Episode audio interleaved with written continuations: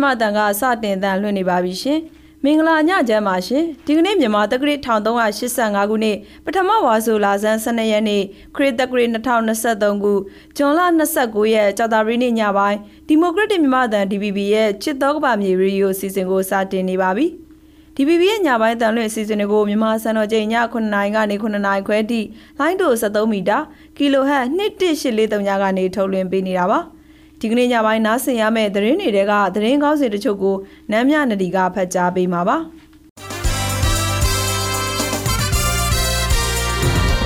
ဟုတ်ကဲ့ပါ ဒီကနေ့ညမှာတော့မြန်မာနိုင်ငံဟာတဘာဝဘေးအန္တရာယ်ကိုခံနိုင်ရင်မရှိဘူးလို့ကမ္ဘာ့ဘဏ်ကထုတ်ပြန်လိုက်တဲ့သတင်းရခိုင်ပြည်နယ်ကစစ်ပေးရှောင်စခန်းတချို့မှာမိုးအဆက်မပြတ်ရွာသွန်းပြီးရေနစ်မြုပ်နေတာကြောင့်နေရေးထိုင်ရေးခက်ခဲကြုံနေရတဲ့သတင်းချီလီနိုင်ငံမှာမိုးတီးထန်စွာရွာသွန်းခဲ့လို့တီးနှံဆုပ်ရှုပ်မှုတွေဖြစ်သွားရတဲ့သတင်းတွေကိုနားဆင်ရဖို့ရှိပါတယ်ဒီသတင်းတွေပြီးမှတော့ဆိုရင်မူလုံခဲ့တဲ့ယောဂါတွေပေါ့နော် အဲကနေတဆင့်ဒီတဆင့်တဆင့်နဲ့နောက်ပိုင်းပို့ပြီးတော့ဆိုးရတဲ့စိတ်ယောဂါတွေအထိဟိုဖြစ်နိုင်တယ်ပေါ့နော်တဘာဝဘေးဒဏ်သင့်ပြည်သူတွေသတိထားရမယ်စိတ်ပိုင်းဆိုင်ရာကျန်းမာရေးနဲ့ပတ်သက်လို့ဒေါက်တာမြတ်မင်းဦးနဲ့ဆက်သွယ်မေးမြန်းချက်ကိုနားဆင်ရဖို့ရှိပါတယ်ဒီကနေ့ဆောင်းပါအစီအစဉ်မှာတော့အတန်ညဉ့်ညမ်းမှုတွေဟာမပြင်းထန်မများပြားသေးပေမဲ့ရေရှည်မှာကျန်းမာရေးထိခိုက်မှုတွေရှိပြီးစိုးကျိုးဖြစ်ပေါ်မှုတွေများပြားတယ်ဆိုတာကိုတော့အသိပေးပါရစေ အတန်ညဉ့်ညမ်းမှုကြောင့်တီကောင်းပွဲရာဆောင်းပါကိုထုတ်လွှင့်ပေးဖို့ရှိပါတယ်ဒီကနေ့အစီအစဉ်တွေကိုတော့ကျမဒီဂျူလိုင်းနဲ့အတူကျမနာမြနဒီတို့ကတင်ဆက်ပေးသွားကြမှာပါကဲနာမြနဒီရဲ့ဒီကနေ့ထူးခြားတဲ့သတင်းတွေတင်ဆက်ပေးကြရအောင်နော်ဟုတ်ကဲ့ပါရှင်နိုင်ငံတကာမိုးလေဝသဌာနခွဲတွေရဲ့ခန့်မှန်းချက်အရဇူလိုင်လထဲမှာအားအသင့်သင့်ရှိတဲ့အယ်နီညိုအခြေအနေကိုရောက်ရှိနိုင်တယ်လို့မိုးစလဌာနကဒီကနေ့ထုတ်ပြန်ပါတယ်။အီကွေတာအနီး အပူပိုင်း Pacific သမုဒ္ဒရာရဲ့ပင်လယ်ရေမျက်နှာပြင်အပူချိန်နဲ့လေထုဖြစ်စဉ်တွေဟာအားနည်းငယ်ရှိတဲ့ El Niño အခြေအနေမှာရှိတယ်လို့ဆိုပါတယ်။ El Niño ဖြစ်စဉ်ဟာ Pacific သမုဒ္ဒရာမှာဖြစ်ပေါ်လေးရှိတဲ့ဖြစ်စဉ်ဆိုပေမဲ့လည်းအဲ့ဒီ El Niño ဖြစ်စဉ်ကြောင့်အကျိုးသက်ရောက်မှုမှာရေပုံရအားဖြင့်မိုးရွာသွန်းမှုပုံစံမူမမှန်တာအပူချိန်မြင့်မားတာမုန်တိုင်းဖြစ်ပေါ်မှုမူမမှန်တာစတဲ့ရာသီဥတုဖြစ်စဉ်တွေဖြစ်ပေါ်လေးရှိပါတယ်။ မိုခါဆိုင်ကလုန်းမုန်တိုင်းကြောင့်ပျက်စီးဆုံးရှုံးမှုတွေဟာမြန်မာနိုင်ငံရဲ့သဘာဝဘေးအန္တရာယ်ပေါ်ခံနိုင်ရမရှိတဲ့အားနည်းချက်ကိုသတိပေးနှိုးဆော်လိုက်တာပဲဖြစ်တယ်လို့ကမ္ဘာ့ဘဏ်ကဇွန်လ29ရက်နေ့မှာစီရင်ကစားထုတ်ပြန်ပြောကြားလိုက်ပါတယ်။မေလ14ရက်နေ့ကအင်အားပြင်းမိုခါမုန်တိုင်းကြောင့်မြန်မာနိုင်ငံပြည်내နဲ့တိုင်းတွေမှာတိတိတတ်တာထိခိုက်ပျက်စီးသွားတာဖြစ်ပြီးလူသားချင်းစာနာမှုအကူအညီတွေလိုအပ်မှုကလည်းအကြီးအကျယ်ရှိနေတယ်လို့ကမ္ဘာ့ဘဏ်ကဆိုပါတယ်။ လက်ရှိမြန်မာနိုင်ငံရဲ့စီးပွားရေးဟာတိုးတက်မှုနှေးကွေးနေပြီးမွန်တိုင်းတဲ့ရခိုင်ပြည်နယ်အပါအဝင်မြန်မာနိုင်ငံတဝန်းမှာအခြေခံစားတောက်ကုန်ဈေးနှုန်းတွေကလည်းအစမတန်မြင့်တက်လာနေတာဖြစ်ပါတယ်။မြန်မာနိုင်ငံမှာအိမ်အောင်စုတွေရဲ့တဝက်လောက်ဟာဝင်ငွေလျော့ကျသွားတာစားနပ်ရိက္ခာမလုံလောက်တာနဲ့ကြုံတွေ့နေရပြီးကမ္ဘာ့ဘဏ်ရဲ့စစ်တမ်းအရအာဟာရပြေဝတဲ့အစားအစာတွေဖြစ်တဲ့နွမ်းတို့ကြက်ဥအသားနဲ့ငါးစားသုံးမှုတွေဟာတိတိတတ်တာကျဆင်းသွားတယ်လို့ဆိုပါတယ်။ ဒါအပြင်အိမ်အောင်စုတဝက်ကျော်လောက်ဟာပိုင်ဆိုင်မှုတွေရောင်းချရတာချေးငှားတာတွေပို့လို့ရတာပညာရေးနဲ့ကျန်းမာရေးကိစ္စတွေမှာအကန့်အသတ်နဲ့သုံးစွဲနေရတယ်လို့ကမ္ဘာ့ဘဏ်ရဲ့အစီရင်ခံစာမှာဖော်ပြထားပါတယ်။မိုခါဆိုင်ကလုန်းမုန်တိုင်းတန်ခံခဲ့ရတဲ့ရခိုင်ပြည်သူတွေအတွက်ဘင်္ဂလားဒေ့ရှ်နိုင်ငံရောက်ရခိုင်ပြည်သူတွေကကျပ်သိန်းပေါင်းတစ်ထောင်ကျော်ကိုကူညီလူဒန်းလိုက်ပါတယ်။အဲဒီငွေတွေကို ULA AA ကဖွဲ့စည်းထားတဲ့မိုချဆိုင်ကလုန်းမုန်တိုင်းတန် အရခရေးပေါ်ကယ်ဆယ်ရေးနဲ့ပြည်လည်နေရာချထားရေးကော်မတီကနေတဆင့်လှူဒါန်းခဲ့တာပါဘင်္ဂလားဒေ့ရှ်နိုင်ငံရှီရဟန်တန်ဃာတော်နဲ့ရခိုင်သူရခိုင်သားတွေဟာအလှငွေစုစုပေါင်းကျပ်သိန်းပေါင်း1334သိန်း4560ကျပ်ကိုလှူဒါန်းတာဖြစ်ပါတယ်မုံတိုင်းတိုက်ခတ်သွားတာတလားကျော်ကြာမြင့်လာပြီးဖြစ်ပေမဲ့လည်းစစ်တွေရသိတောင်ပုံနှကျွန်းပေါက်တော်နဲ့ကြောက်တော်အပါဝင်မြို့နယ်တချို့ကလေဘေးသင့်ပြည်သူတွေမှာအမိုးကာနဲ့အစားတောက်ပါဝင်စေဝါနဲ့တောက်သုံးရည်အကူအညီတွေလိုအပ်နေဆဲဖြစ်ကြောင်းဒေသတွေအကူအညီပေးနေသူတွေကပြောပါတယ်မုန်တိုင်းတဲ့ရခိုင်ပြည်နယ်ရှိတောက်သုံးရည်လိုအပ်တဲ့နေရာတွေကိုတောက်သုံးရည်တွေဆက်လက်ဖြန့်ဝေပေးနေတယ်လို့မြန်မာနိုင်ငံကြက်ချင်နီတင်ကထုတ်ပြန်ပါတယ်။ဇွန်လ29ရက်နေ့ကစစ်တွေမြို့နယ်အတွင်းတောက်သုံးရည်လိုအပ်တဲ့နေရာတွေကိုရေလီတာ1000အုံးရီဖော်ကျေးရွာကိုရေလီတာ2500ပြည်နယ်ကြက်ချင်နီတိုလောင်ရုံရှိရေပေးဝေရာမှာရေလီတာ3000စုစုပေါင်းတောက်သုံးရည်လီတာ6500ကိုဖြန့်ဝေပေးခဲ့တယ်လို့ဆိုပါတယ်။ အလားတူကြောက်တော်မျိုးနယ်မှာလည်းရေလီတာ800ကိုလည်းဖြန့်ဝေပေးနိုင်တယ်လို့ဆိုပါတယ်ရှင်။ကရားပြည်နယ်လွိုက်ကော်မြို့ရှိဘက်ကျန်းတနေရာကစစ်ပေးရှောင်းတွေဟာမိုးကာလမှာသွေးလွန်တုပ်ကွေးနဲ့ငှက်ဖျားယောဂါတွေဖြစ်ပွားနေတဲ့တို့ KGY Karini Generation Youth စစ်ဆောင်ကူညီတဲ့အဖွဲ့ကပြောပါတယ်။လက်ကော်မြို့နယ်တစ်ခုလုံးမှာစစ်ဆောင်3000ကျော်လောက်ရှိပြီးသူတို့ဟာချင်းကိုက်ခံရလို့သွေးလွန်တုပ်ကွေးနဲ့ငှက်ဖျားဖြစ်တာလို့သိရပါတယ်။ KGY မှစစ်ဆောင်ကူညီသူတဦးက အခုကူညီနေတဲ့စခန်းကလွိုက်ကော်ရှိချမ်းတနေရာကစခန်းလေးနေရာလောက်ကိုစစ်ဆောင်ဥယေ4500လောက်ရှိပါတယ်။ငှက်ဖျားဖြစ်တဲ့လူတွေတိတ်မများပေမဲ့လည်းစိုးရိမ်တာပေါ့။အရင်တစ်နှစ်ကချင်းတောင်တွေမျှဝေပေးနိုင်ပေမဲ့လည်း ဒီနှစ်ကတော့မပေးနိုင်ဘူးလောလောဆယ်အရင်နှစ်ကချင်းတာအဟောင်းနဲ့အိတ်နေရတယ်လို့ပြောပါတယ်။တွင်းလွန်တုတ်ကွေးကိုဒီနှစ်အေပီလာလောက်ကစဖြစ်ကြပြီးအခုချိန်ထိဖြစ်နေကြကြောင်းအထူးသဖြင့်ကလေးတွေမှာအများဆုံးဖြစ်ပွားတယ်လို့ဆိုပါတယ်။ငှက်ဖျားဆေးတွေဝယ်ရတာဘတ်ဂျက်အများကြီးကုန်ကျခဲ့ပြီးတချို့ဆိုရင်တောက်ဆေးနဲ့မနိုင်လို့ထိုးဆေးထိုးရတယ်လို့သိရပါတယ်။စစ်ဆောင်တွေအတွက်ဆေးဝါးလုံလောက်မှုရှိပေမဲ့လည်းတရားဝင်ဝယ်ယူလို့မရတဲ့အပြင်စစ်ကောင်စီရဲ့လမ်းကြောင်းပိတ်ဆို့မှုများလာလို့တည်ပို့ရတာလည်းအဆင်မပြေဘူးလို့သိရပါတယ်။ DVB ရဲ့ radio အစီအစဉ်တွေကိုနားဆင်နေကြရတာပါအခုဆက်လက်ပြီးမိုးလေဝသသတင်းတွေကိုဆက်လက်တင်ဆက်ပေးမှာဖြစ်ပါတယ်မင်္ဂလာပါရှင်ဇွန်လ29ရက်နေ့အတွက်မိုးလေဝသခန့်မှန်းချက်တွေကိုတင်ဆက်ပေးသွားမှာဖြစ်ပါတယ်ဒီကနေ့မနက်ပိုင်းဖန်ရရရှိထားတဲ့ဂျရူတိမ်ပေါ်ကိုကြည့်မယ်ဆိုရင်တော့ကပလီပင်လယ်ပြင်နဲ့ဘင်္ဂလားပင်လယ်အော်တို့မှာမုတ်တုံလေးအားအသင့်တက်ရှိနေပါတယ်မနက်ဖြန်ညနေအထိမိုးလေဝသခန့်မှန်းချက်တွေနေနေကတော့ ဒီမှာဒေဝရရှောင်းနဲ့ကမ်းလွန်ပင်လယ်ပြင်တို့မှာလှိုင်းတဲ့တဲ့ရှိနိုင်ပါတယ်။လှိုင်းမြင့်နေရတော့6ပေကနေ10ပေလောက်ထိမြင့်တက်နိုင်တယ်လို့ခန့်မှန်းထားပါတယ်ရှင်။မိုးရွာတနိုင်မှုခန့်မှန်းချက်တွေနေနေရတော့စကိုင်းတိုင်းအောက်ပိုင်းမန္တလေးတိုင်းမကွေးတိုင်းနဲ့ရှမ်းပြည်နယ်မြောက်ပိုင်းတို့မှာနေရာကွက်ကြား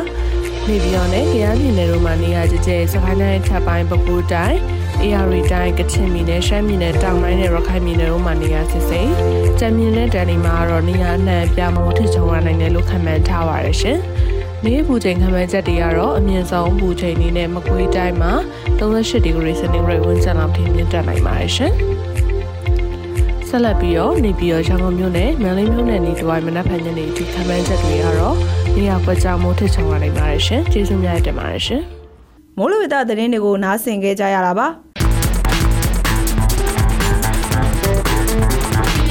တော်တာရှင်များရှင်အခုဆက်လက်ပြီးသတင်းပေးပို့ချက်တွေကိုထုတ်လွှင့်ပေးတော့မှာဖြစ်ပါတယ် ရခိုင်ပြည်နယ်ကဆစ်ရှောင်စခန်းတချို့မှာအခုရက်ပိုင်းတွင်မိုးအဆက်မပြတ်ရွာသွန်းပြီးရေနှင်းမြုပ်နေတာကြောင့်နေရေးထိုင်ရေးအခက်အခဲကြုံနေကြရပါတယ်။ဒီသတင်းကိုတော့ကိုသူရကပေးပို့ထားပါတယ်ရှင်။ရခိုင်ပြည်နယ်ကစစ်ဘေးရှောင်စခန်းတချို့မှာအခုရက်ပိုင်းတွင်မိုးအဆက်မပြတ်ရွာသွန်းပြီးရေနှင်းမြုပ်နေတာကြောင့်နေရေးထိုင်ရေးအခက်အခဲတွေကြုံနေကြရတယ်လို့စစ်ရှောင်တွေကပြောပါတယ်။လက်ရှိမှာကြောက်တော်မြို့နယ်ညောင်ချောင်းစစ်ဘေးရှောင်စခန်း ရသေးတောင်မြို့နယ်ဇေဒီပြင်စစ်ပေးဆောင်စခန်းမြောက်ဦးမြို့နယ်တိန်ညိုစစ်ပေးဆောင်စခန်းနဲ့မြေပုံမြို့နယ်ရက်ချောင်းစစ်ပေးဆောင်စခန်းတို့ရင်းနှီးမြုပ်နေတာလို့ဆိုပါတယ်။ကြောက်တော်မြို့နယ်ညောင်ချောင်းစစ်ပေးဆောင်စခန်းမှာအဆက်မပြတ်မိုးရွာသွန်းမှုကြောင့်နေအိမ်များစုရင်းနှီးမြုပ်ပြီးလူနေအခန်းအောက်တွေထိရင်းနှီးမြုပ်နေပြီလို့စခန်းအတွင်းနေထိုင်သူတဦးဖြစ်တဲ့ဦးထွန်းသိန်းလှကပြောပါတယ်။ရေတွေကလူတွေနေနေတဲ့အခန်းအောက်ထိနင်းမြုပ်နေကြပြီးကလေးတွေဆိုရင်အောက်ဆင်းပြီးသွားလို့တော့မရတော့ဘူးအိမ်သားတွေအကုန်လုံးလည်းနင်းမြုပ်သွားကြပြီး ရေအိုင်နေရင်တော့ချင်းတွေပေါက်ပြီးကျန်းမာရေးထိခိုက်မှုတွေပါရှိလာနိုင်တယ်လို့ပြောပါတယ်။ကြောက်တုံမြို့နယ်မှာအခုရက်ပိုင်းအတွင်းမိုးဆွမ်းမပြတ်ရွာသွန်းမှုတွေကြောင့်ရေနှင်းမြုပ်မှုဟာအခုထပ်မြင့်တက်လာရင်ကျေးရွာဖုံးကြီးကျောင်းနဲ့ကျေးရွာကုန်းမြင့်ပိုင်းကိုယာယီရွှေ့ပြောင်းပေးဖို့စီစဉ်နေကြတယ်လို့စခန်းတာဝန်ရှိသူတွေကပြောပါတယ်။ဒါအပြင်ရသေးတောင်မြို့နယ်ဇေဒီပြင်စစ်ပေးဆောင်စခန်းမှာလည်းရေနှင်းမြုပ်မှုတွေရှိနေပြီးလူနေအိမ်90ကျော်လောက်ဟာထမင်းချက်ဖို့နေရတော့မရှိကြဘူးလို့ဇေဒီပြင်စစ်ပေးဆောင်စခန်းကအမျိုးသမီးတူကပြောပါတယ်။ မိုးရွာသွန်းပြီးချောင်းရည်တွေတက်လာတာကြောင့်ရေတွေကမဆင်းနိုင်တော့ပဲတဖြည်းဖြည်းနဲ့မြင့်တက်လာကြပြီးမြေနေပိုင်းကအိမ်90လောက်ဆိုရင်ထမင်းချက်ဖို့နေရာတော့မရှိတော့ဘူးအခန်းတွေအကုန်လုံးနင်းမြုပ်နေကြပြီးအိတ်တာတောင်ကုန်းမြင့်ပိုင်းကအိမ်တွေကိုပြောင်းပြီးအိတ်နေကြရတယ်လို့ပြောပါတယ်ရသေးတောင်မြို့နယ်ဈေးတီပြင်းစစ်ပေးဆောင်စခန်းမှာစစ်ပေးဆောင်ဦးရေတထောင်ကျော်ခိုလုံနေကြပါတယ်။ဒါအပြင်မြေပုံမြို့နယ်ရက်ချောင်းစစ်ပေးဆောင်စခန်းမှာလည်းမိုးရွာသွန်းပြီးတောင်ကျရေတွေနဲ့ချောင်းရေတွေတက်လာတာကြောင့်စခန်းတွင်းရေနှင်းမြုပ်မှုတွေရှိလာတယ်လို့ရက်ချောင်းစစ်ပေးဆောင်စခန်းကကိုထွန်းမြတ်စောကပြောပါတယ်။ မိုးရွာရင်စခန်းအတွင်းမှာရေနှင်းမြုပ်မှုတွေရှိတယ်။အခုရက်ပိုင်းကမိုးရမ်းကြီးတော့မိုးရွာတာနဲ့အမျှချောင်းရည်တွေကြီးလာတာနဲ့တောင်ကျရည်တွေတက်လာရင်စခန်းအတွင်းမှာအကုန်လုံးနှင်းမြုပ်တာကြောင့်ရွာထဲမှာသွားနေရတာတွေရှိတယ်လို့ပြောပါတယ်။ဒါအပြင်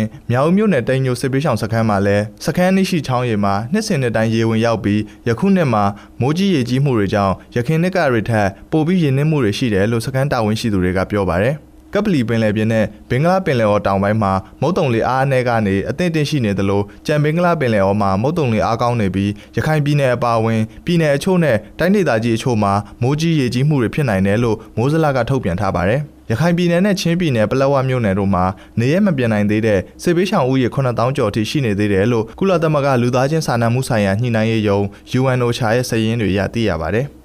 မုခါမုန်တိုင်းလိုရခိုင်ပြည်နယ်အခြေအနေတွေနဲ့ပတ်သက်ပြီးနောက်ဆုံးရသတင်းပေးပို့ချက်တွေကိုနားဆင်ခဲ့ကြရတာပါ။ ဘာဝဘေးသတင်းတွေပြန်လည်ထူထောင်ရေးနဲ့ကုညီကယ်ဆယ်ရေးနဲ့ဆိုင်တဲ့အကြောင်းအရာတွေကိုထုတ်လွှင့်ပေးနေတဲ့ဒီမိုကရက်တစ်မြန်မာအသံ DPP ရဲ့ချစ်တော်ကဘာမြေရေဒီယိုအတန်လွှင့်အထူးအစီအစဉ်ကိုစတင်ထုတ်လွှင့်ပေးနေပါပြီ။ဒီအစီအစဉ်ကိုမြန်မာစံတော်ချိန်ည9:00နာရီကနေ9:00နာရီခွဲအထိလိုင်းတူ73မီတာ kHz 1384ညကနေဖမ်းယူနားဆင်နေတဲ့အကြောင်းအတိပေးကြေညာအပ်ပါတယ်ခင်ဗျာ။ဒီမိုကရက်တစ်မြန်မာတန် DPP ကဆက်လက်အတန်းလွှင့်နေပါတယ်။ အခုဆက်လက်ပြီးတဘာဝပတ်ဝန်းကျင်နဲ့သက်ဆိုင်တဲ့နောက်ဆုံးရနိုင်ငံတကာသတင်းတွေကိုကိုလင်းအိမ်ကတင်ဆက်ပေးမှာဖြစ်ပါတယ်။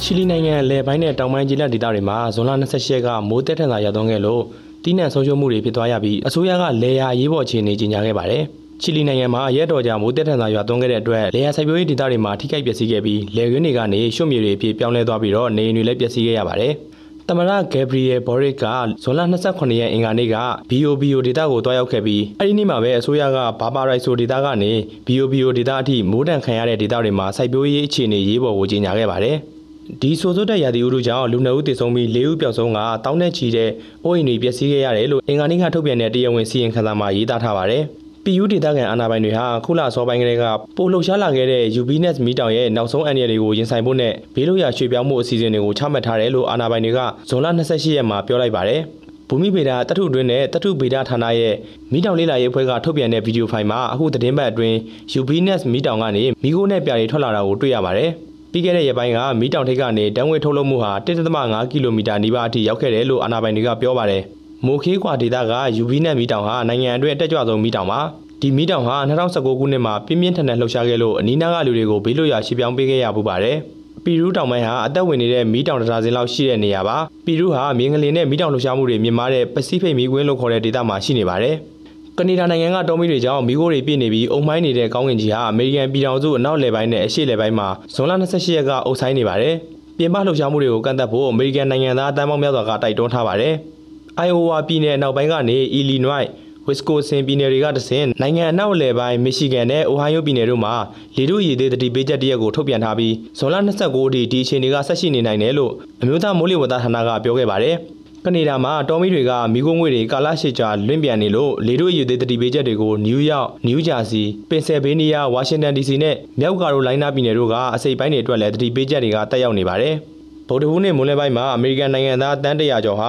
လေထုရည်သေးညံပြင်းမှုကိုရင်ဆိုင်နေရပါတယ်။ဒီဒေသတွေမှာနေထိုင်ကြသူတွေဟာအထူးသဖြင့်ကလေးတွေတက်ကြီးရွယ်တွေနဲ့အသက်ရှူလမ်းကြောင်းဆိုင်ရာမကျန်းမာတဲ့ဒဏ်ခံနေရသူတွေနဲ့အချိန်ကြာကြာဒါမှမဟုတ်ပြင်းပြင်းထန်ထန်အားထုတ်တာကိုကန့်သက်ဖို့နဲ့ဖြစ်နိုင်ရင်အိမ်ထဲမှာပဲနေဖို့ဒါမှမဟုတ်နှာခေါင်းစည်းဝတ်ဆင်ဖို့မိုးလေဝသကြိုတင်ခန့်မှန်းသူတွေကတိုက်တွန်းထားပါတယ်။ကနေဒါနိုင်ငံဟာအနောက်ဗာဂျီးနီးယားထက်ပိုကျယ်တဲ့တစ်တော်ဧရိယာဟက်တာ၈တန်းလောင်ကျွမ်းပြီးပြီဖြစ်လို့တောမီယာဒီအဆိုးရွားဆုံးစတင်ချိန်နဲ့နပန်းလုံးနေရပါတယ်။ ဗုဒ္ဓဟူးနေ့မှာမီးလောင်ကျွမ်းမှု489မှုဖြစ်ပွားခဲ့ပြီးထဝက်လောက်ကထွက်တဲ့မီးခိုးတွေဟာပစိဖိတ်သမုဒ္ဒရာကနေအတ္တလန္တိတ်ကမ်းရိုးတန်းအထိပြန့်နှံ့သွားခဲ့ပါတယ်။ကနေဒါနိုင်ငံရဲ့အကြီးဆုံးမြို့တိုရန်တိုဟာဗုဒ္ဓဟူးနေ့မွန်းလယ်ပိုင်းမှာကမ္ဘာမြို့ကြီးအလုံးထဲမှာလေထုအဆိုးဆုံးဖြစ်ခဲ့တယ်လို့လေထုညဉ့်ဉန်းမှုခြေရာခံခြင်းဝန်ဆောင်မှုအဖွဲ့ IUL ကပြောပါတယ်။အိန္ဒိယရှေ့မြောက်ပိုင်းအာသံပြည်နယ်မှာရေကြီးလို့လူနှုတ်တင်ဆုံးပြီးလူအယောက်35500ကျော်ထိခိုက်ခဲ့တယ်လို့အာဏာပိုင်တွေကပြောပါတယ်။ဇွန်လ26ရက်ကစပြီးအာသံပြည်နယ်မှာရေလမ်းမိုးခဲ့လို့လူတွေကိုယာယီကယ်ဆယ်ရေးစခန်းတွေစီရွှေ့ပြောင်းခဲ့ရတာပါ။ ဘာဂျာလီခရိုင်မှာရှိတဲ့လူတချို့ဟာဇွန်လ28ရက်ကအမိုးအကာတွေအောက်မှာအနားယူနေကြတာကိုမြင်တွေ့ရပြီးတချို့ကဒစိမ့်တစ်ပိုင်းရေမြုပ်ပျက်စီးနေတဲ့အိမ်တွေထဲမှာရက်နေခဲ့ကြပါတယ်။မြမပုတ္တရမြစ်ဟာကမ္ဘာအကြီးဆုံးမြစ်တွေထဲကတစ်ခုဖြစ်ပြီး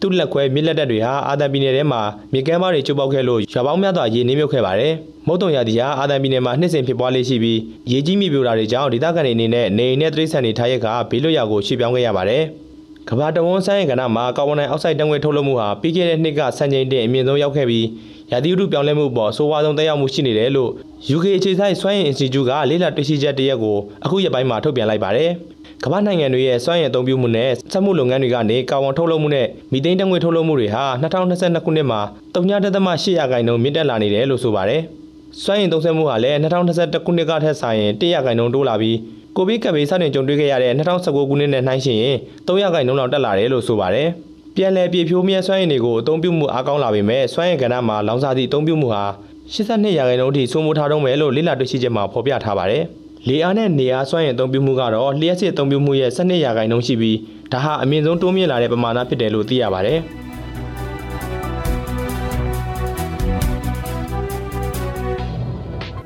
တဘာဝပတ်ဝန်းကျင်နဲ့သက်ဆိုင်တဲ့နောက်ဆုံးရနိုင်ငံတကာသတင်းတွေကိုနားဆင်ကြကြရတာပါ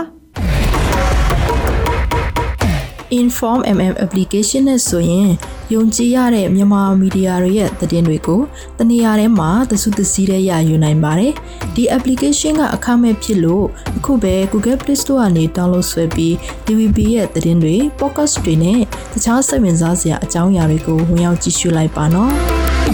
။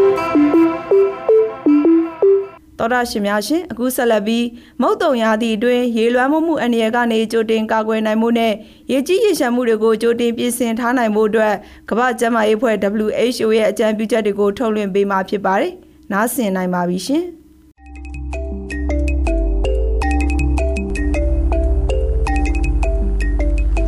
မုတ်တုံရသည့်အတွက်ကြိုတင်ပြင်ဆင်ရန်ဘေးအန္တရာယ်ရှင်းပြောင်းရေးအရေးပေါ်အိတ်ထက်မှာဘာတွေထည့်ထားရမလဲဆိုရင်ရှေးဦးသူနာပြုဆေးတစ်တာမရှိမဖြစ်လိုအပ်တဲ့ဆေးဝါးတွေဆေးမှတ်တမ်းတွေဆေးစာတွေလိုအပ်ပါတယ်။ဒါအပြင်အရေးကြီးစာရွက်စာတမ်းတွေငွေစရင်ပညာရေးနဲ့ပတ်သက်တဲ့စာရွက်စာတမ်းတွေလက်ထပ်စာချုပ်အမည်ပေါက်ပိုင်ဆိုင်ပြစာရွက်စာတမ်းတွေရင်းနဲ့ပတ်သက်တဲ့စာရွက်စာတမ်းတွေလည်းထည့်သွားသင့်ပါတယ်။ဒါအပြင်အမျိုးသားမှတ်ပုံတင်ကတ်တွေနိုင်ငံကူးလက်မှတ်နဲ့ဖန်စာအုပ်တွေလည်းထည့်ရပါမယ်။အရေးကြီးဆက်သွယ်ဖို့အတွက်ဖုန်းနံပါတ်စာရင်းတွေဖုန်းနဲ့အားသွင်းကိရိယာတွေထည့်ရပါမယ်။ဒါအပြင်ကရိုရင်းဆေးပြားရေတန့်ဘူးလက်နှိပ်တမီနဲ့တကူရီသုံးတန့်ရှင်းပစ္စည်းတွေဘီစကွတ်လိုမျိုးခြောက်သေးတဲ့အစားအစာတွေခိုင်ခန့်တဲ့ကြိုးတွေမတန်ဆွမ်းသူတွေကလေးငယ်တွေနဲ့တက်ကြီးရွယ်အိုတွေအတွက်အတုံးဆောင်တွေအဖို့တန်ပစ္စည်းတွေထည့်သွားရပါမယ်။ဘေးအနေရွှေ့ပြောင်းရေးအရေးပေါ်အိတ်ဟာရေဆိုခံတင်ပြီးပစက်နဲ့နှာခေါင်းစည်းတွေခွက်တွေပကံတွေဆက်ပြတုံးတွေလက်တန့်ဆေးတွေနဲ့မျက်နှာတုပ်ပွားတွေပါဝင်ရပါမယ်။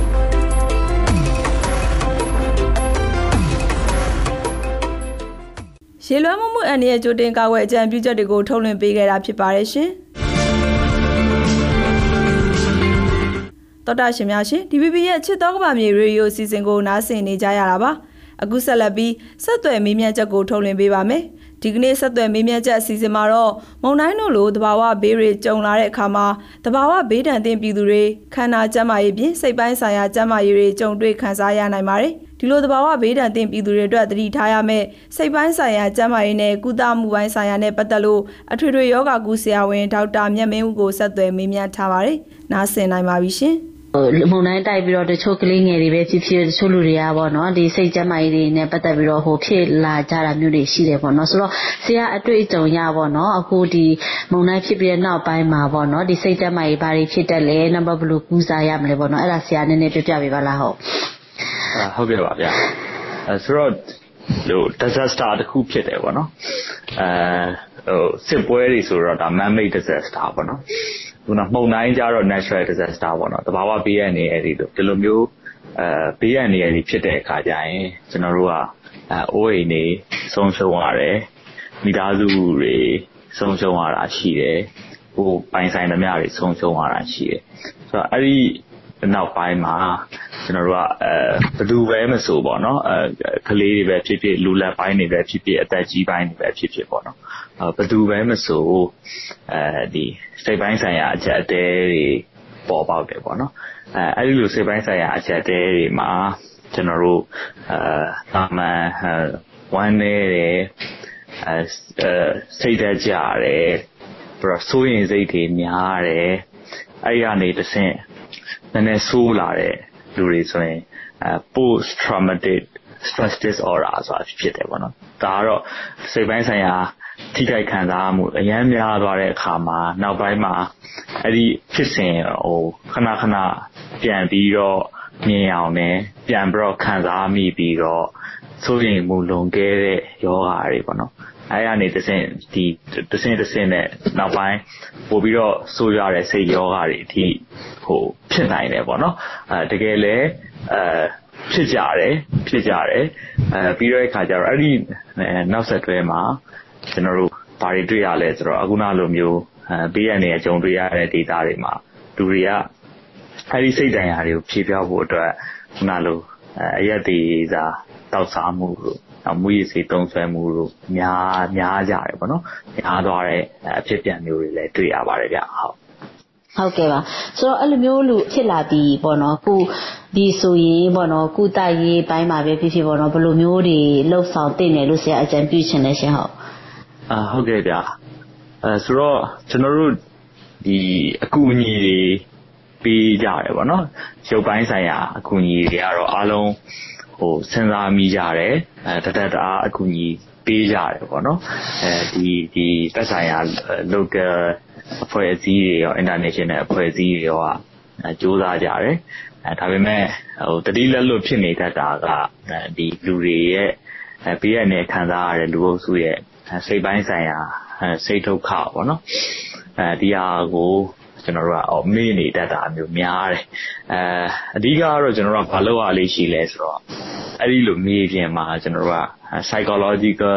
first aid လို့ခေါ်တာပေါ့နော်အင်္ဂလိပ်လိုဆိုတော့အတူကောက်ဆို PFA လို့ခေါ်တယ်အဲဒီ psychological first aid ဆိုရဲအဲ program ပေါ့နော်အဲ့ဒါကို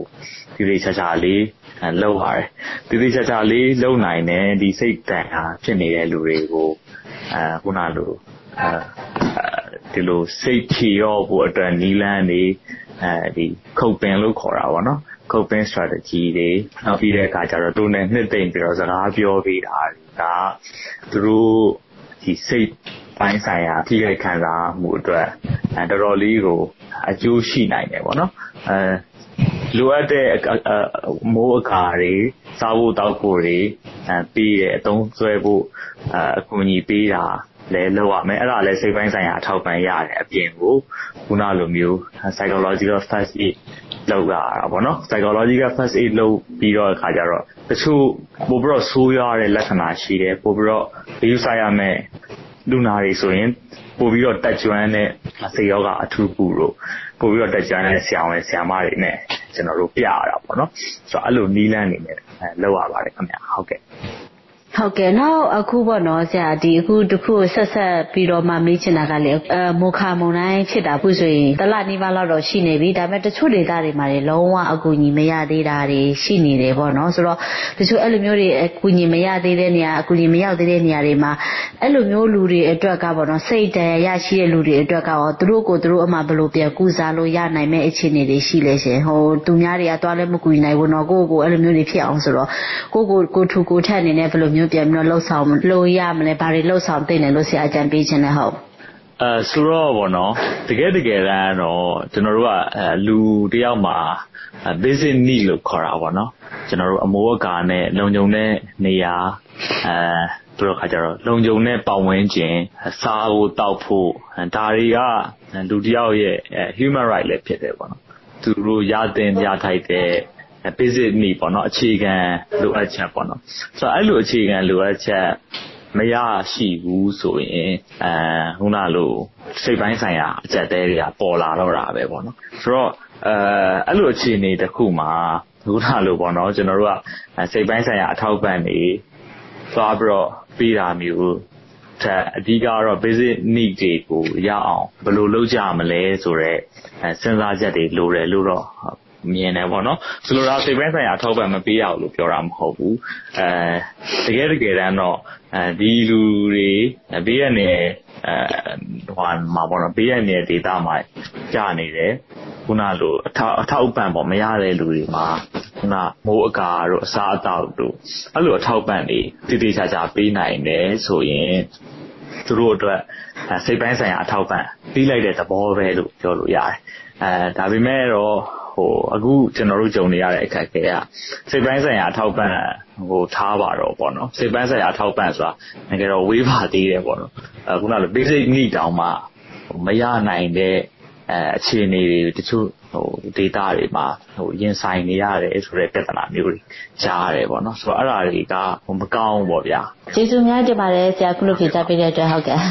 တဘာဝဘေးဒဏ်သင့်ပြည်သူတွေအတွက်သတိထားရမယ့်စိတ်ပိုင်းဆိုင်ရာကျန်းမာရေးနဲ့ကုသမှုပိုင်းဆိုင်ရာနဲ့ပတ်သက်လို့အထွေထွေယောဂကုဆရာဝန်ဒေါက်တာမြတ်မင်းဦးနဲ့ဆက်သွယ်မေးမြန်းချက်ကိုနားဆင်ကြကြရတာပါ။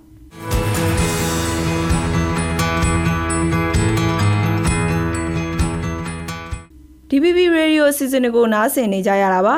တောတာရှင်များရှင်အခုဆက်လက်ပြီးစောင်းမအစီအစဉ်ကိုထုတ်လွှင့်ပေးမှာဖြစ်ပါတယ်ဒီကနေ့မှာတော့အောင်ပင်လယ်လူမှုဝေးချင်မဂ္ဂဇင်းမှစောင်းမရှင်ခင်မျိုးမြတ် ဟင်းတရရေးသားထားတဲ့အတန်ညဉ့်ညံမှုအကြောင်းတီကောင်းပွဲရာစောင်းပါကိုထုတ်လွှင့်ပေးပါတော့မယ်ဖူးအီနွယ်ကဖတ်ကြားပေးထားပါတယ်ရှင်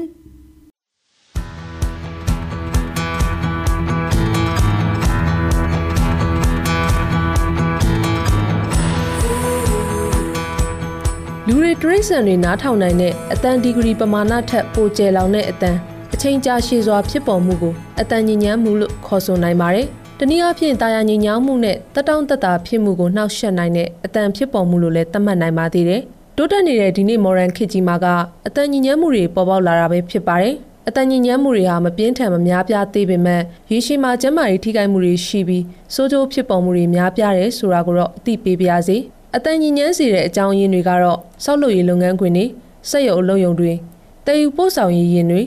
စိုက်ပျိုးရေးသုံးပစ္စည်းတွေ စုညံစေတဲ့အိမ်သုံးပစ္စည်းတွေဖြစ်တဲ့မော်တာအဝိရှော်ဆက်ကျိတ်ဆက်ဓာတ်သွေးဆက်တွေလူအများစုစီရာမင်္ဂလာဆောင်တဲ့အလှလူမှုအတိုင်းဝမ်ပွဲတွေစီးပွားရေးပွဲတွေစတဲ့အကြောင်းအရင်းတွေနဲ့နေရာဒေသတွေဟာအတန်ညဉ့်ညမ်းမှုကိုဖြစ်ပေါ်စေနိုင်တဲ့အကြောင်းအရင်းတွေပဲဖြစ်ပါတယ်။ကမ္ဘာ့ကျန်းမာရေးအဖွဲ့အစည်းကပြုလုပ်ထားတဲ့သုတေသနတွေအရအတန်ညဉ့်ညမ်းမှုကြောင့်ဖြစ်ပေါ်လာတဲ့ကျန်းမာရေးဆိုးကျိုးတွေအများကြီးရှိပါတယ်။နားစီရောင်ခြင်း၊စိတ်နှောက်ယှက်ဖြစ်ခြင်း၊ဒေါသထွက်လွယ်ခြင်း၊ခေါင်းကိုက်ခြင်း၊ သွေးတိုးရောဂါအဆုတ်ကျန်းမာရေးထိခိုက်ခြင်း၊ကိုလက်စထရောပမာဏတိုးမြင့်လာခြင်း၊ကလေးငယ်များအတွက်အုံနောက်ရဲ့ဖွံ့ဖြိုးတိုးတက်မှုနှိမ့်ကျခြင်းအေးရေးအခက်အခဲတွေနှလုံးနာခြင်းကြိုက်ခဲမှုတွေခုခံအားနည်းတာတွေအဆရှိတဲ့ပြဿနာတွေကိုကြုံတွေ့ရနိုင်ပါတယ်။အတန်ညဉ့်ညမ်းမှုပြဿနာတွေဟာမြန်မာနိုင်ငံမှာမသိတာသေးပေမဲ့နောက်နိုင်ငံတွေမှာတော့သိတာလာပါတယ်။ New York Times Magazine ကနေအတန်ညဉ့်ညမ်းမှုတွေကြောင့်လူတစ်ယောက်ချင်းကြုံတွေ့နေရတဲ့အခြေအနေတွေကိုစုစည်းပြီးစောင်းမပြုစုထားတာရှိပါတယ်။ အရင်မဆိုးဝါးသေးပေမဲ့ဥပိ္ပခါပြုလို့မရတဲ့အခြေအနေတစ်ခုကိုရောက်နေတာမို့အတန်ညဉ့်ညမ်းမှုတွေကိုထိန်းချုပ်ဖို့ကြိုးစားသင့်ပါတယ်။အတန်ညဉ့်ညမ်းမှုတွေမဖြစ်ပေါ်အောင်တကိုးစားထိန်းချုပ်မှုနဲ့လူအများထိန်းချုပ်မှုဆိုပြီးနှမျိုးနဲ့စပြုလုပ်နိုင်ပါတယ်။အတန်ညဉ့်ညမ်းမှုဖြစ်ပေါ်စေတဲ့အိမ်အသုံးဆောင်ပစ္စည်းတွေကိုအသုံးမပြုဖြစ်ရင်ပိတ်ထားသင့်ပါတယ်။စုညံစေတဲ့ပစ္စည်းတွေအသုံးပြုနေတဲ့အချိန်မှာတကားတွေကိုသေချာစွာပိတ်ထားရပါမယ်။ TV နဲ့ရုပ်မြင်သံကြားရေဒီယိုတွေအသုံးပြုတဲ့အခါမှာလည်းမိမိကြားနိုင်တဲ့အတန်လောက်ထိသာရှော့ချဖွင့်ထားသင့်ပါတယ်။တချင်းနားထောင်တဲ့အခါတကိုရေကြားစာနှစ်ချက်အသုံးပြုသင့်ပါတယ်။ဒါကတော့တကိုးစာအနေနဲ့ဆောင်ရွက်နိုင်မဲ့အတန်ညဉ့်ညမ်းမှုထိမ့်သိမ်းနည်းတွေပါ။ လူများတဲ့နေရာနဲ့အချိန်တွေမှာအတန်ထိန်ချုံမှုပြုလုပ်နိုင်တဲ့နည်းလမ်းတွေကတော့လူများတဲ့ပန်းခြံလိုနေရာတွေမှာအတန်တွေကိုစုပ်ယူနိုင်မဲ့ဖုံးအုပ်ပေးနိုင်မဲ့တစ်ပင်တွေစိုက်ထားသင့်ပါတယ်။အတန်ညဉ့်ညမ်းမှုကိုလူတွေသတိထားမိပြီးဆင်ကျင်နိုင်မှုအတွက်လူလူကိုအသိပညာပေးရပါမယ်။အတန်လုံးစေတဲ့အခန်းတွေတိစောက်ခြင်းနဲ့လူလူနေရာတွေကိုပြုပြင်ခြင်းစက်ရုံတွေစောက်လုပ်ရမှာ အတန်ဆုပ်ယူနိုင်တဲ့ပစ္စည်းတွေထည့်သွင်းဆောက်လုပ်တာစက်ရုံနဲ့တက္ကသိုလ်တွေတိစောက်ရာလုပ်ငန်းခွင်တွေကိုလေရင်ခွင်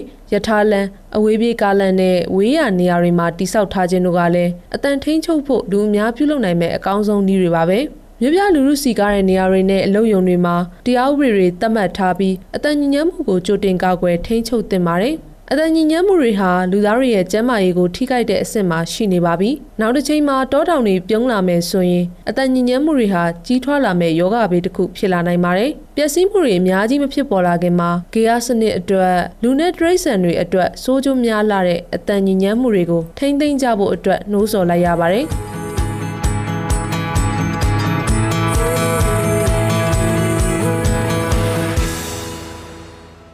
အတန်ညဉ့်ညံ့မှုကြောင့်ဒီကောင်းဖွဲ့ရာဆောင်းပါးကိုနားဆင်ကြကြရတာပါရှင်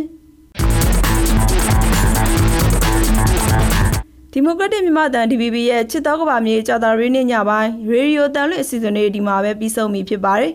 ဒီစီစဉ်ကိုမနေ့ပြန်မှာလဲမြန်မာစံတော်ချိန်ည9နာရီကနေ9နာရီခွဲထိလိုင်းတို73မီတာကီလိုဟတ်2184ညကနေထုတ်လွှင့်ပေးနေဦးမှာမို့စောင့်မျှော်နားဆင်နိုင်ပါတယ်။ DBB ရဲ့ချစ်တော်ကဘာမြေရေဒီယိုတန်လွှင့်အစီအစဉ်ကိုအင်တာနက်စာမျက်နှာ www.barmis.tv.no website Facebook YouTube နဲ့ DBB New Pocket Channel Spotify Apple နဲ့ Google တို့မှာလည်း smartphone ကနေတဆင့်နားဆင်နိုင်တဲ့အကြောင်းသတင်းကောင်းပါအပ်ပါတယ်။ဒီကနေ့အစီအစဉ်တွေကိုတော့ကျွန်မဒီဇူလိုင်နဲ့တူနမ်းမြနဒီတို့ကတင်ဆက်ပေးခဲ့ကြတာပါ။တောတာရှင်ပေါင်းကျမ်းမာချမ်းသာကြပါစေ။ DBB ကိုနားဆင်တဲ့အတွက်အထူးပဲကျေးဇူးတင်ရှိပါတယ်ရှင်။